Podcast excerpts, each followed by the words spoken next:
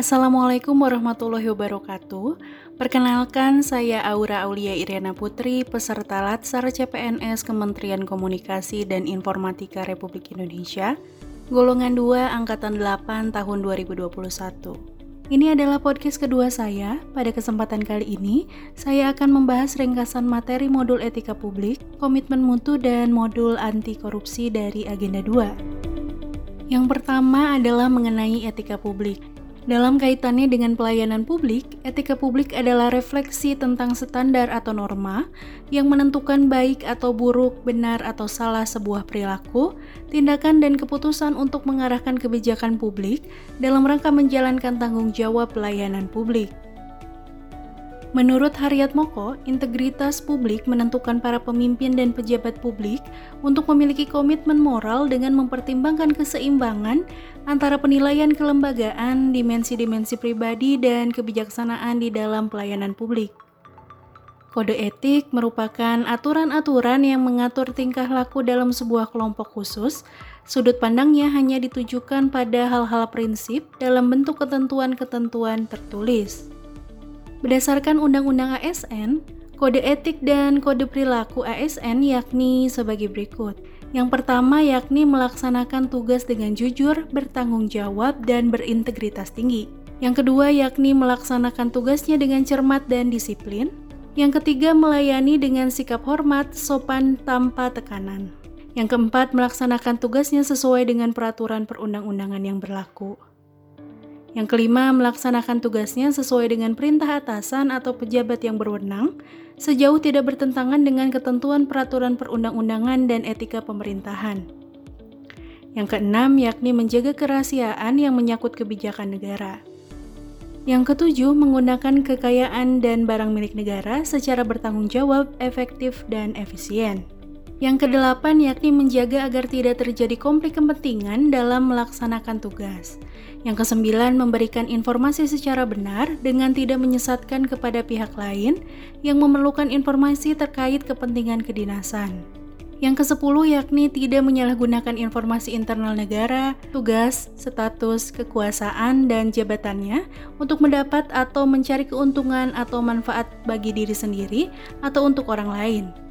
Yang kesebelas yakni memegang teguh nilai dasar ASN dan selalu menjaga reputasi dan integritas ASN. Yang kedua belas melaksanakan ketentuan peraturan perundang-undangan mengenai disiplin pegawai ASN. Nilai-nilai dasar etika publik sebagaimana tercantum dalam Undang-Undang ASN yakni sebagai berikut. Yang pertama yakni memegang teguh nilai-nilai dan ideologi negara Pancasila. Yang kedua, setia dan mempertahankan Undang-Undang Dasar Negara Kesatuan Republik Indonesia 1945. Yang ketiga, menjalankan tugas secara profesional dan tidak berpihak. Yang keempat, membuat keputusan berdasarkan prinsip keahlian. Yang kelima, menciptakan lingkungan kerja yang non-diskriminatif. Yang keenam, memelihara dan menjunjung tinggi standar etika luhur. Yang ketujuh, mempertanggungjawabkan tindakan dan kinerjanya kepada publik. Yang kedelapan, memiliki kemampuan dalam melaksanakan kebijakan dan program pemerintah. Yang kesembilan, memberikan layanan kepada publik secara jujur, tanggap, cepat, tepat, akurat, berdaya guna, berhasil guna, dan santun. Yang kesepuluh, mengutamakan kepemimpinan berkualitas tinggi. Yang kesebelas, menghargai komunikasi, konsultasi, dan kerjasama. Yang kedua belas mengutamakan pencapaian hasil dan mendorong kinerja pegawai. Yang ketiga belas mendorong kesetaraan dalam pekerjaan. Yang keempat belas meningkatkan efektivitas sistem pemerintahan yang demokratis sebagai perangkat sistem karir. Ada tiga fokus utama dalam pelayanan publik yakni yang pertama pelayanan publik yang berkualitas dan relevan, yang kedua, sisi dimensi reflektif etika publik berfungsi sebagai bantuan dalam menimbang pilihan sarana kebijakan publik dan alat evaluasi. Yang ketiga, modalitas etika menjembatani antara norma moral dan tindakan faktual. Pada prinsipnya ada tiga dimensi etika publik. Yang pertama yakni dimensi kualitas pelayanan publik, yang kedua dimensi modalitas, dan yang ketiga dimensi tindakan integritas publik. Dalam reformasi birokrasi ada delapan area perubahan yang harus dilakukan oleh seluruh kementerian atau lembaga dan pemerintah pusat dan daerah di Indonesia, yakni yang pertama manajemen perubahan, yang kedua penataan peraturan perundang-undangan, yang ketiga penataan dan penguatan organisasi, Yang keempat, penataan tata laksana. Yang kelima, penataan sistem manajemen SDM. Yang keenam, penguatan akuntabilitas. Yang ketujuh, penguatan pengawasan. Dan yang kedelapan, peningkatan pelayanan publik. Pentingnya etika publik dalam urusan publik, yakni untuk kewaspadaan profesional dan kewaspadaan spiritual.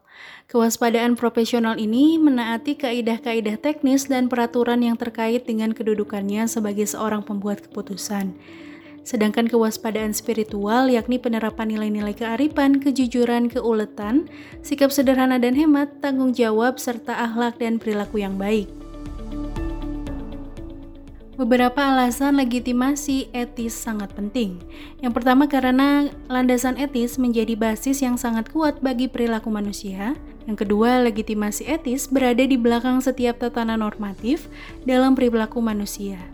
Yang ketiga, karena etika tidak mendasarkan diri pada pandangan-pandangan moral de facto yang berlaku dalam masyarakat saja. Legitimasi etis tidak akan pernah dibatasi oleh ruang dan waktu. Setiap pegawai pemerintah harus menghindari adanya konflik kepentingan atau konflik of interest dalam melaksanakan tugas. Konflik kepentingan akan mengakibatkan adanya penyalahgunaan kekuasaan, pengerahan sumber daya publik yang kurang optimal, serta peningkatan kesejahteraan rakyat akan terabaikan. Beberapa bentuk perilaku konflik kepentingan yakni aji mumpung, loyalitas ganda, menerima atau memberi suap, pemanfaatan informasi rahasia, menyalahgunakan pengaruh publik, pemanfaatan fasilitas organisasi atau lembaga untuk kepentingan pribadi. Beberapa tindakan harus dihindari karena termasuk ke dalam kategori konflik kepentingan. Yang pertama adalah ikut serta dalam transaksi bisnis pribadi atau perusahaan swasta untuk keuntungan pribadi dengan mengatasnamakan jabatan kedinasan. Yang kedua, membicarakan masa depan peluang kerja di luar instansi pada saat ia berada dalam tugas-tugas sebagai pejabat pemerintah. Yang ketiga yakni menerima segala bentuk hadiah dari pihak swasta pada saat ia melaksanakan transaksi untuk kepentingan kedinasan atau kepentingan pemerintah. Tindakan selanjutnya yakni memboncorkan informasi komersial atau ekonomis yang bersifat rahasia kepada pihak-pihak yang tidak berhak.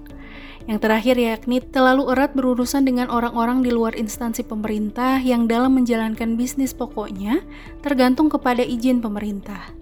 Beberapa tindakan tersebut harus dihindari karena termasuk dalam kategori konflik kepentingan. Ada beberapa sumber kode etik ASN. Yang pertama yakni Peraturan Pemerintah Nomor 11 Tahun 1959 tentang Sumpah Jabatan Pegawai Negeri Sipil dan Anggota Angkatan Perang. Lalu selanjutnya Peraturan Pemerintah Nomor 21 Tahun 1975 tentang Sumpah Jabatan atau Janji Pegawai Negeri Sipil. Selanjutnya ada Peraturan Pemerintah Nomor 30 Tahun 1980 tentang Peraturan Disiplin Pegawai Negeri Sipil.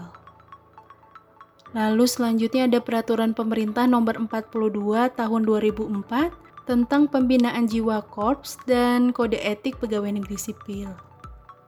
Selanjutnya Peraturan Pemerintah Nomor 53 Tahun 2010 tentang Disiplin PNS. Lalu ada Peraturan Pemerintah Nomor 5 Tahun 2014 tentang Aparatur Sipil Negara ASN. Selanjutnya yakni ringkasan dari modul komitmen mutu. Komitmen mutu merupakan pemahaman konsep mengenai efektivitas, efisiensi, inovasi, dan mutu penyelenggaraan pemerintah. Menurut Richard L. efektivitas merupakan sejauh mana organisasi dapat mencapai tujuan yang ditetapkan atau berhasil mencapai apa pun yang coba dikerjakan. Efektivitas organisasi berarti memberikan barang atau jasa yang dihargai oleh pelanggan. Sedangkan efisiensi merupakan jumlah sumber daya yang digunakan untuk mencapai tujuan organisasional. Efisiensi organisasi ditentukan oleh beberapa banyak bahan baku, uang, dan manusia yang dibutuhkan untuk menghasilkan jumlah keluaran tertentu. Efisiensi dapat dihitung sebagai jumlah sumber daya yang digunakan untuk menghasilkan barang atau jasa. Sedangkan inovasi merupakan cara pandang di mana suatu organisasi beradaptasi terhadap perubahan-perubahan di pasar, teknologi, dan persaingan. Sedangkan mutu menurut Edward Deming merupakan apa pun yang menjadi kebutuhan dan keinginan konsumen. Menurut Crosby, mutu merupakan nihil cacat, kesempurnaan, dan kesesuaian terhadap persyaratan. Sedangkan menurut Juran, mutu merupakan kesesuaian terhadap spesifikasi. Berdasarkan pendapat di atas, dapat disimpulkan bahwa mutu mencerminkan nilai keunggulan produk atau jasa yang diberikan kepada pelanggan, yang sesuai dengan kebutuhan dan keinginan, dan bahkan melampaui harapannya. Mutu merupakan salah satu standar yang menjadi dasar untuk mengukur capaian hasil kerja. Karakteristik ideal dari tindakan yang efektif dan efisien antara lain penghematan, tercapainya target secara tepat sesuai dengan yang direncanakan, pekerjaan dapat diselesaikan dengan cepat dan tepat, serta terciptanya kepuasan semua pihak, pimpinan, pelanggan, masyarakat, dan pegawai itu sendiri. Konsekuensi dari penyelenggaraan kerja yang tidak efektif dan tidak efisien adalah ketidak tercapainya target kerja, ketidakpuasan banyak pihak, menurunnya kredibilitas instansi tempat bekerja di mata masyarakat, bahkan akan menimbulkan kerugian secara finansial. Manajemen mutu Mutu ada dalam persepsi orang secara individual yang diukur dari tingkat kepuasan masing-masing terhadap produk atau jasa yang diterimanya. Oleh karena itu, tidaklah mengherankan jika terhadap produk atau jasa yang sama akan memiliki tingkat mutu yang berbeda bagi para pelanggan. Merujuk definisi dari Gooch dan Davis, manajemen mutu terpadu atau Total Quality Management atau TQM terdiri atas kegiatan perbaikan berkelanjutan yang melibatkan setiap orang dalam organisasi melalui usaha yang berintegrasi secara total untuk meningkatkan kinerja pada setiap level organisasi. Edward Sellis mendefinisikan Total Quality Management atau TQM merupakan sistem manajemen yang mengangkat kualitas sebagai strategi usaha dan berorientasi pada kepuasan pelanggan dengan melibatkan seluruh anggota organisasi. Bill Kress dan Alexander Sindoru memperkenalkan lima pilar dalam manajemen mutu, yakni produk, proses, organisasi, pemimpin, dan komitmen. TQM dapat dicapai melalui beberapa hal, yakni pertama, berfokus pada pelanggan, obsesi pada mutu, pendekatan ilmiah, komitmen jangka panjang, kerjasama tim, perbaikan secara berkesinambungan, dan diklat.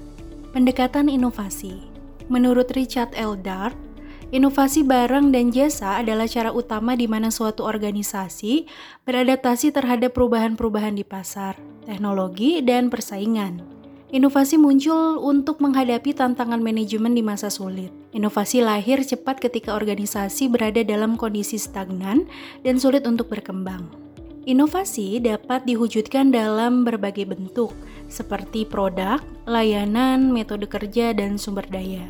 Ada empat cara berinovasi. Yang pertama, penemuan, yaitu dengan cara mengkreasikan suatu produk, jasa, atau proses yang belum pernah dilakukan sebelumnya. Yang kedua, yakni pengembangan, yaitu dengan cara mengembangkan produk, jasa, atau proses yang sudah ada. Yang ketiga, yakni duplikasi, yaitu dengan cara menirukan sebuah produk, jasa atau proses yang sudah ada. Duplikasi di sini bukan semata-mata meniru, melainkan menambahkan seutuhnya secara kreatif untuk memperbaiki konsep yang ada agar lebih mampu memenangkan persaingan. Cara yang keempat yakni dengan cara sintesis, yaitu dengan cara perpaduan konsep dan faktor-faktor yang sudah ada menjadi formulasi baru. Proses ini meliputi pengambilan sejumlah ide atau produk yang sudah ditemukan atau sudah dibentuk sehingga menjadi produk yang dapat diaplikasikan.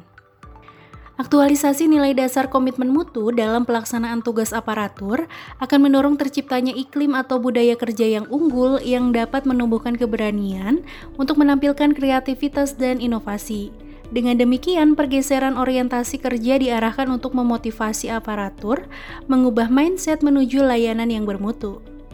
Orientasi kerja bukan pada kewajiban menjalankan rutinitas kegiatan, melainkan pada semangat pengabdian untuk memberikan layanan publik yang terbaik dan siap menghadapi berbagai kendala. Orientasi aparatur bukan dilayani, melainkan melayani. Fokus kinerja aparatur adalah untuk melayani publik. Kewajiban aparatur adalah untuk memberikan layanan publik yang adil dan bermutu, untuk membangun kepercayaan masyarakat terhadap pemerintah. Setiap aparatur meski memiliki sense of quality dan semangat belajar yang tinggi, sehingga menimbulkan keberanian berpikir alternatif, berani bertanya, dan bahkan berbeda pendapat. demi untuk kebaikan dan kemajuan bangsa dan negara dalam menghadapi globalisasi khususnya megatrend Asia. Selanjutnya ringkasan dari modul anti korupsi. Korupsi sering dikatakan sebagai kejahatan luar biasa. Salah satu alasannya adalah karena dampak yang luar biasa yang menyebabkan kerusakan baik dalam ruang lingkup pribadi, keluarga, masyarakat, dan kehidupan yang lebih luas. Kerusakan tersebut tidak hanya terjadi dalam kurun waktu yang pendek, namun dapat berdampak secara jangka panjang. Secara umum, korupsi dapat merugikan negara dan merusak sendi-sendi kebersamaan serta memperlambat tercapainya tujuan nasional. Di antaranya dampak negatif korupsi dapat berpengaruh pada tata ekonomi seperti pemborosan sumber-sumber, larinya modal ke luar negeri, dan gangguan terhadap perusahaan, gangguan penanaman modal, dan lain sebagainya. Lalu berpengaruh juga kepada tata sosial budaya seperti revolusi sosial dan ketimpangan sosial. Lalu tata politik seperti ketidakstabilan politik, pengambil alihan kekuasaan, hilangnya bantuan luar negeri, hilangnya kewibawaan pemerintah. Berdampak negatif juga kepada tata administrasi seperti tidak efisien, kurangnya kemampuan administrasi, hilangnya keahlian, hilangnya sumber-sumber negara, keterbatasan kebijaksanaan pemerintah, pengambilan tindakan-tindakan yang represif. Korupsi dapat terjadi karena adanya niat dan kesempatan terpaksa, memaksa, atau dipaksa dalam jumlah yang banyak ataupun sedikit. Menurut Indrianto Seno Aji, berdasarkan pemahaman dan dimensi baru mengenai kejahatan yang memiliki konteks pembangunan, pengertian korupsi tidak lagi diasosiasikan dengan penggelapan keuangan negara saja, namun bisa juga tindakan beriberi, penyuapan, dan kickback atau penerimaan komisi secara tidak sah juga dinilai sebagai sebuah kejahatan. Pengertian tindak pidana Tindak pidana menurut Simon merupakan tindakan melawan hukum yang telah dilakukan dengan secara sengaja ataupun tidak sengaja oleh seseorang yang dapat dipertanggungjawabkan atas tindakannya dan oleh undang-undang telah dinyatakan sebagai tindakan yang dapat dihukum. Sedangkan menurut Pompe, tindak pidana merupakan pelanggaran norma atau gangguan terhadap tertib hukum yang dengan sengaja atau tidak sengaja telah dilakukan oleh seseorang pelaku, di mana penjatuhan hukuman terhadap pelaku tersebut adalah penting demi terpeliharanya tertib hukum dan terjaminnya kepentingan umum. Menurut Profesor Muljanto, tindak pidana merupakan perbuatan yang dilarang oleh suatu aturan hukum. Larangan yang mana disertai sanksi berupa pidana tertentu bagi barang siapa yang melanggar aturan tersebut. Unsur perbuatan pidana yakni adanya perbuatan memenuhi rumusan dalam undang-undang yakni syarat formil, bersifat melawan hukum atau syarat material. Ciri-ciri tindak pidana korupsi, yakni yang pertama dilakukan oleh lebih dari satu orang, yang kedua merahasiakan motif, ada keuntungan yang diraih, yang ketiga berhubungan dengan kekuasaan atau kewenangan tertentu, yang keempat berlindung di balik pembenaran hukum, yang kelima melanggar kaedah kejujuran dan norma hukum, yang keenam yakni mengkhianati kepercayaan.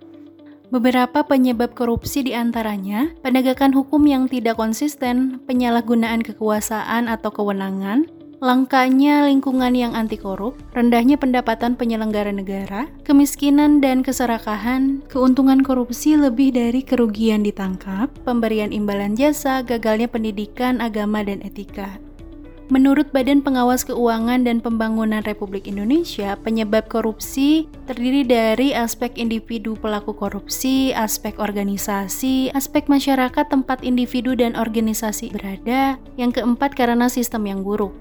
Upaya preventif atau pencegahan korupsi yakni adanya perbaikan sistem dan perbaikan manusia. Perbaikan sistem ini yakni peraturan perundang-undangan, reformasi birokrasi, menegakkan etika profesi dan tata tertib lembaga, penerapan prinsip good governance, dan lain sebagainya. Sedangkan perbaikan manusia seperti memperbaiki moral, meningkatkan kesadaran hukum, mengetaskan kemiskinan, memilih pimpinan yang bersih, jujur, dan anti korupsi, dan lain sebagainya.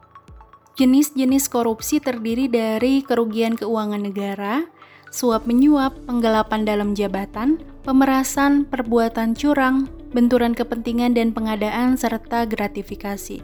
Ada 30 jenis delik korupsi, yakni dua jenis delik mengatur tentang perbuatan yang merugikan keuangan negara dan perekonomian negara. 28 jenis delik mengatur tentang perilaku penyelenggara negara terkait dengan kekuasaannya.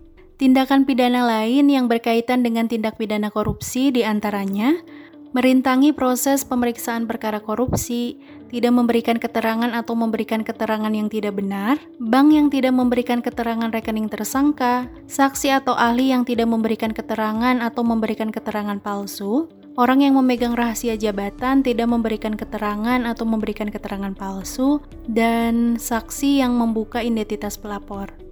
Kesadaran anti korupsi harus dimulai dari spiritual accountability. Spiritual accountability ini yakni tujuan hidup dan kesadaran bahwa hidup harus dipertanggungjawabkan.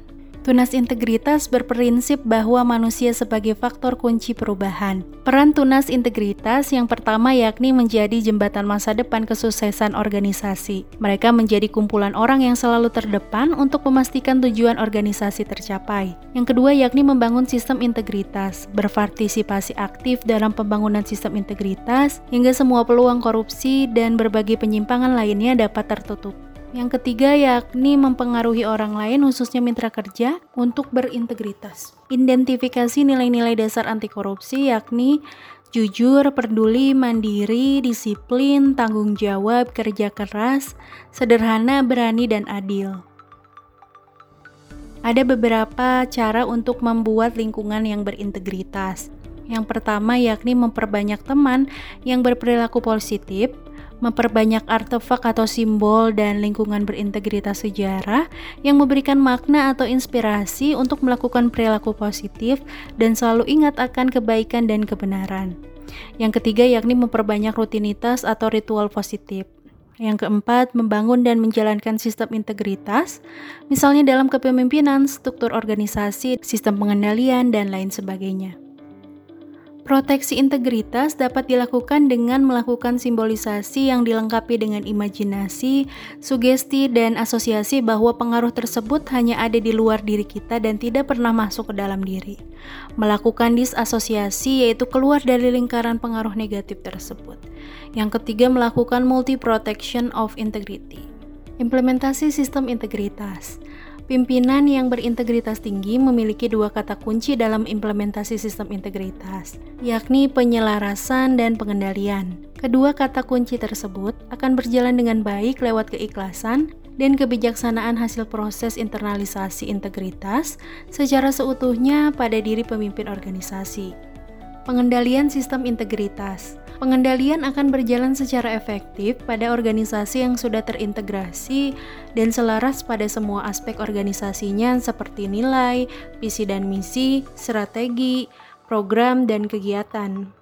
Komponen sistem integritas Sistem-sistem khusus untuk pengendalian korupsi dan standar etika antara lain, peningkatan peran pengawasan internal, post-employment, integrity checking, pengungkapan isu integritas, pengendalian gratifikasi, pelaporan harta kekayaan, analisis resiko terhadap integritas, revitalisasi kode etik dan pedoman perilaku, seleksi dan keteladanan pemimpin puncak, serta evaluasi eksternal integritas.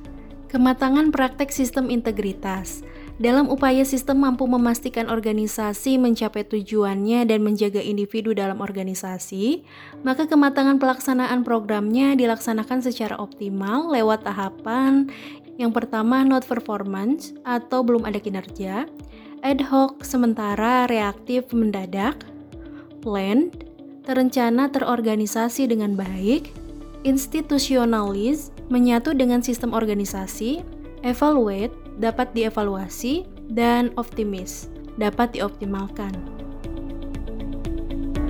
Sekian untuk podcast kali ini. Saya Aura Aulia Iriana Putri. Wassalamualaikum warahmatullahi wabarakatuh.